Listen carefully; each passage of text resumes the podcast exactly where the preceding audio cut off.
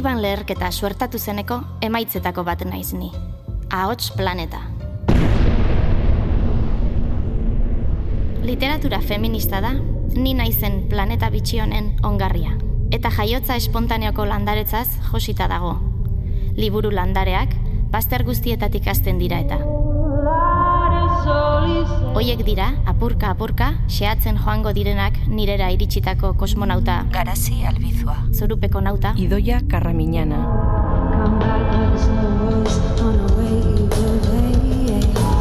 kosmikoa izango den formakuntza esperientzia honetan parte hartu nahi?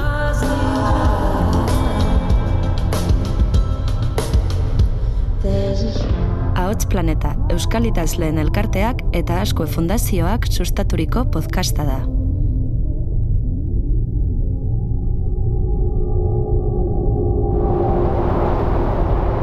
Ongi etorri berriro gurera. Gaur, eguraldia ez da batere atsegina. Eguzki ekaitza sumatzen da urrutian, eta horrek eragindako aizeteak, idoiaren gordelekura bultzatu ditu bizikide biak. Beitu garazi beste erantzun bat. Portugaletetik heldu da ahots berria. Izaskun abellan alena. Gaztelaniako irakasle eta idazlea. Oso prozedura xumea da. Ez dakit zertan sortu behar den horren besteko eztabaida. Umea besoetan hartu behar duzu. Bai, lo egiteak lagunduko luke. Baina esna egonda ere, umea besterik ez da. Besoetan ondo hartu behar duzu. Irmotasunez heldu behar diozu. Pat-pateko mugimendurik egin ez dezan. Hori besterik ez da. Mugida dinera goztea. Orduan, dita, segundu gutxiko gauza eta eginda. Litekena da negarre egitea, bai.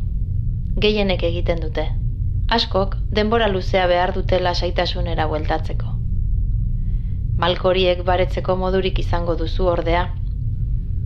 Besoetan kulunkatu, lokanta ezagunen bat, belarrian xuxurlaturiko hitz goxo batzuk, biharamunean gertatutakoaz oroitu ere ez da egingo. Ez, oiturak oitura dira.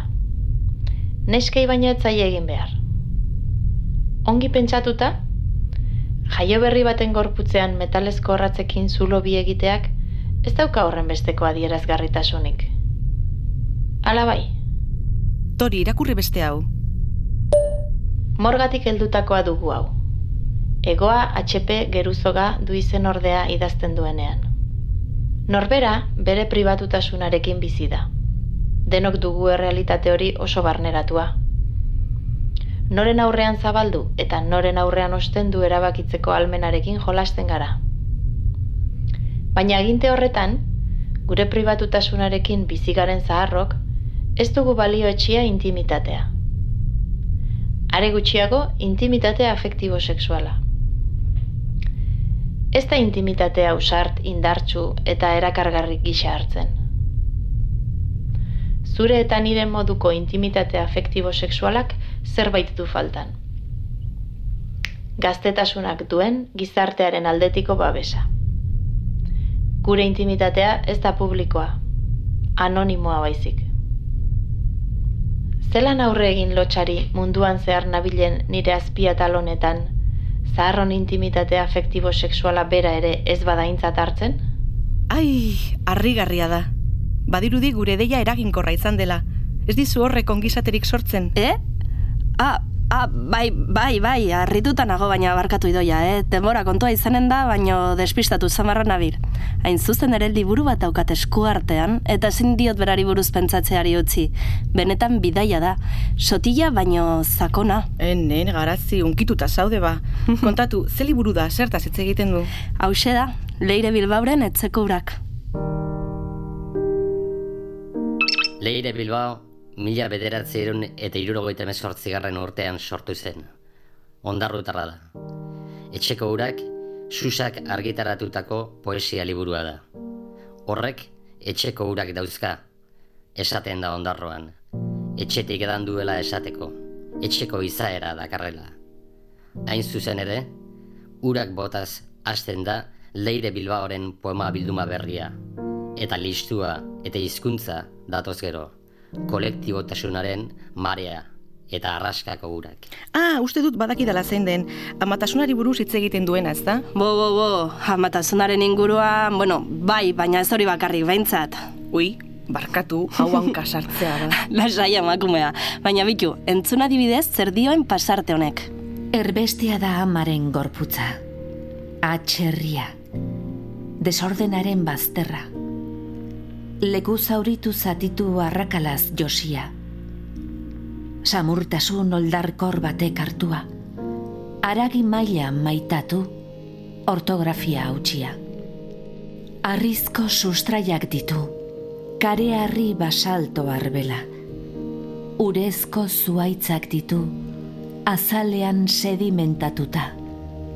Liburu geologiko bata, intziriak izerdia oiuak idatzita dituena. Mintzaira sortu aurreko taupadak, bizidiren lurraldea da amaren gorputza. Erbeste egin naiz.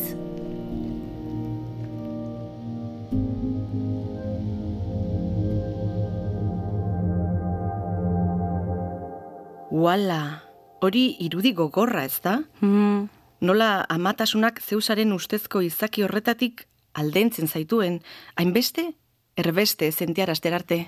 bai, hori da gakoa. Lan honetan leire bilbako ez du ez da amatasun esperientzia idilikoa agertzen, ez da horren ukazioa egiten, eh? Nolabait, horren pozak eta minak erakusten ditu. Bai, lehen aditu gaioak esan du zelan ondarroan, horrek etxeko urak dauzka, esaten den. Etxeko izaera duela esateko. Garazi, tituluak buelta, itzulera horren beharra nola baita dirazi dit. Aha. Gaur, hemen hauts planetan gaudela oso konpainia honean, baina uste duzu bueltatuko garela, bakoitza gure sorgunera, gure etxeko hormetara, gure, zea, gurea bakarrik ez den, baina horrela sentitzen dugun lekura, ze uste duzu? Ba, ez dakit, egia zan ez dakit, agian bai, leku fisikoaren beharra sentituko dugu noizbait, baina baliteke ere gure leku hori anetamen topatzea, ez da, esaterako literaturan bertan. Ara, behitu zer dioen beste olerki honek. Denok behar dugu sortu gintuen amaren gana, etxera, hizkuntzara itzuli. Denok behar dugu sortu gintuen ama, etxea, hizkuntza itzuli. Denok behar dugu sortu gintuen ama, etxea, hizkuntza itzuldi ezaguten. Denok behar dugu itzulgaitzaten ama, etxe, hizkuntza berriak sortzeko.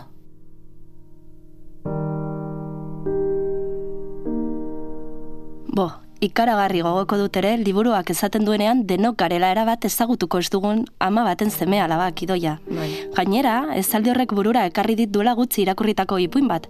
Zea, e, Joana Gualzena, ama gazteak izenekoa da. Joanna Walsh, mila bederatzireun eta irurogeita amargarren urtean jaio zen, Inglaterran. Adierazitako ipuina, Vertigo, ipuin bilduma liburuan agertzen da. Bai, hori zebera, gauza da, ume bat jaiotzean ama bat ere jaiotzen dala idoia. Eta ama horrek gainera baditu zenbait esagarri memoria kolektiboan ondo baino beto zizelkatuta daudena. Beraz, molde hori hartzen du bere gain eta ez du zertan hori egin. Ja, imaginatzen dut gainera beti ez dela izango erraza esandako moldea jantztea, ezta? Existitzen aldira bi pertsona berdin. Boni behintzat ez doz ezagutzen.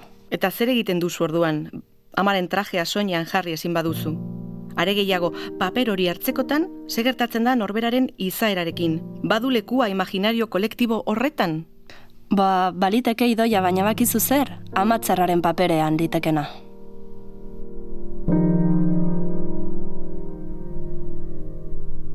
Esan duzun azkenengo horretan pentsatzen gelditu naiz garazi. Zein mugatzaile izan behar duen ezarpen hori. Azken batean ama izatea norberari dagokion esperientzia berezia da. Bai, eta horregatik, horri lotuta behintzat, poema laburtzo honek adierazten duena iraultzaia edo aldarrikatzaia dela iruditzen zait. Beitu idoia entzun, jaiotzeko mundu oso bat hautzi behar da. Mm, ja, ulertzen dut. Nola baita idazleak defendatzen du aurdunaldi jaiotza amatasun prozesu bakoitzak mundua arrakalatzen duela. Edo egin beharko lukeela behintzat, ez da? Ez gara ba serian egindako piezak eta...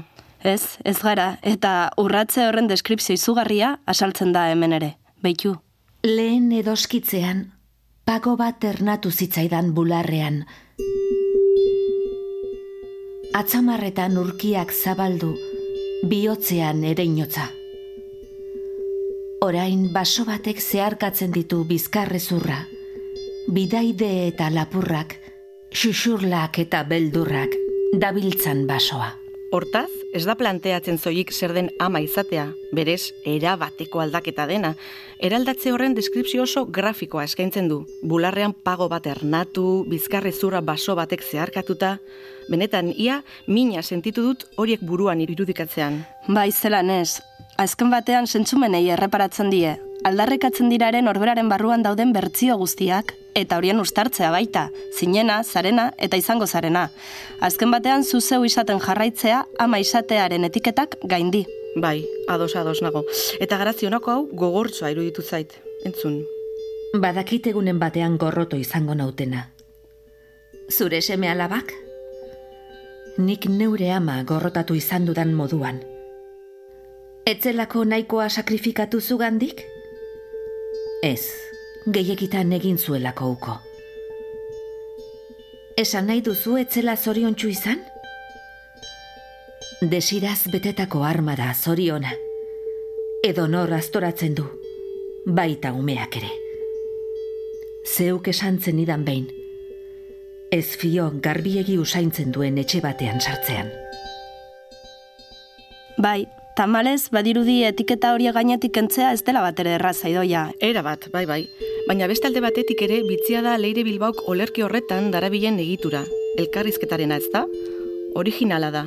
Bai, originala da, azken batean, bitu, liburuak ederki jolasten da hizkuntzaren barneko hizkuntzarekin. Zera, zelan agertzen diren zenbait poema, okeratutako formak, irakurteari zeran heldu dio, netaren irakurketa zelan bizkortu. Artista da, Leire Bilbao. Ai, poesia. Bai, bai. Ezin esan dena esaten saiatzea da poesia. Baina zer da poesia? Poesia, hitz, esaldi eta herrima baino gehiago da.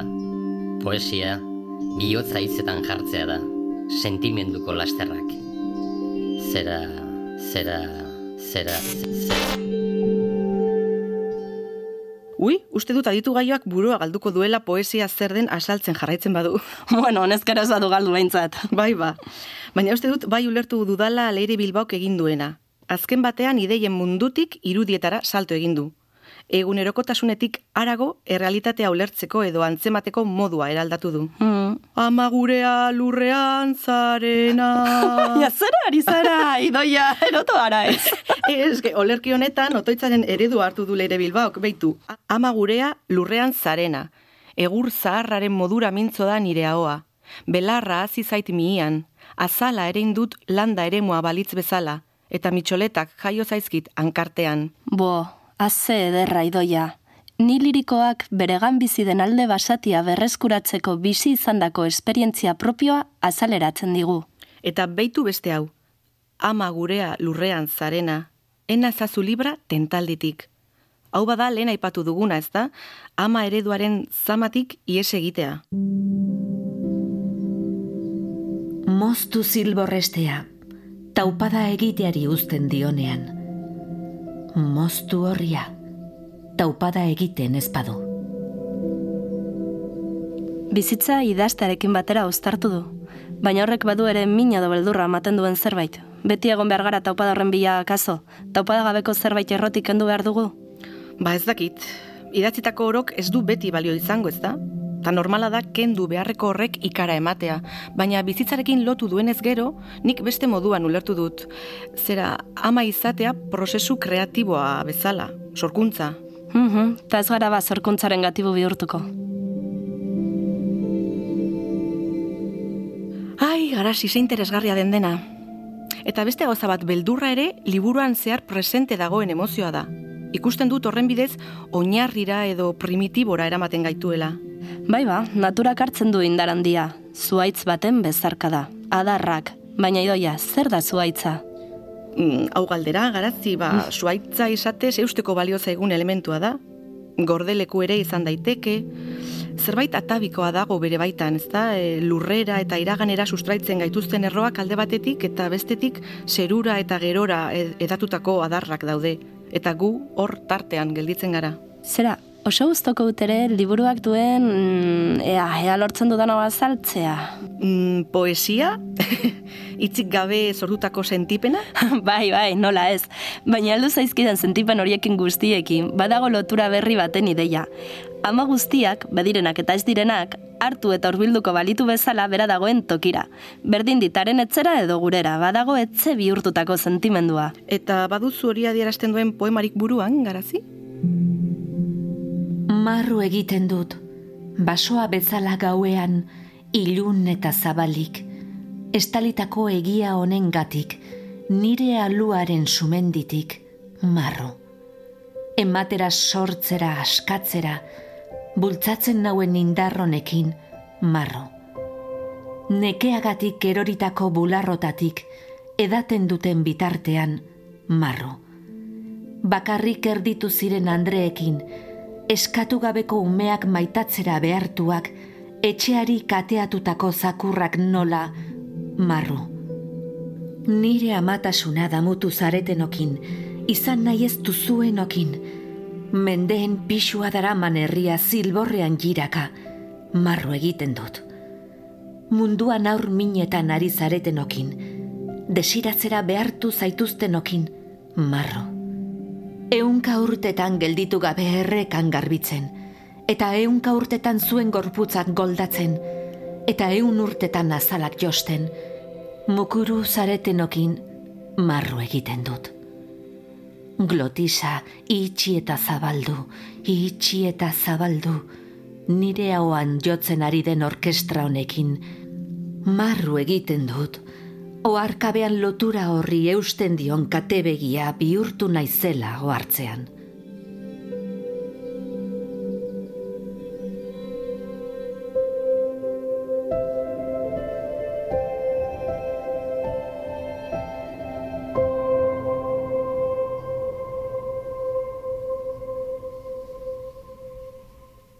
ikasiko duzu ezetz esaten zure buruari.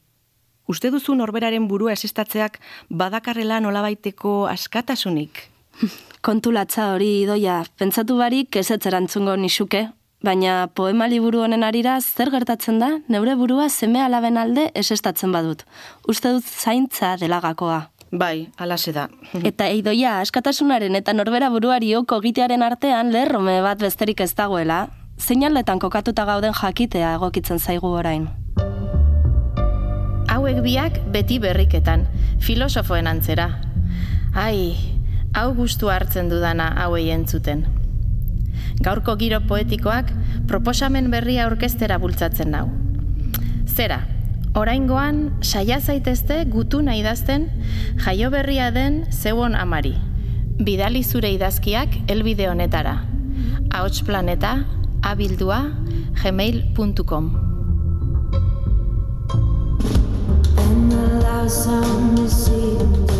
Ahots Planeta, Euskal Itazleen elkarteak eta Asko Fundazioak sustaturiko podcasta da. Entzungai, zure audio plataforma gogoko genetan.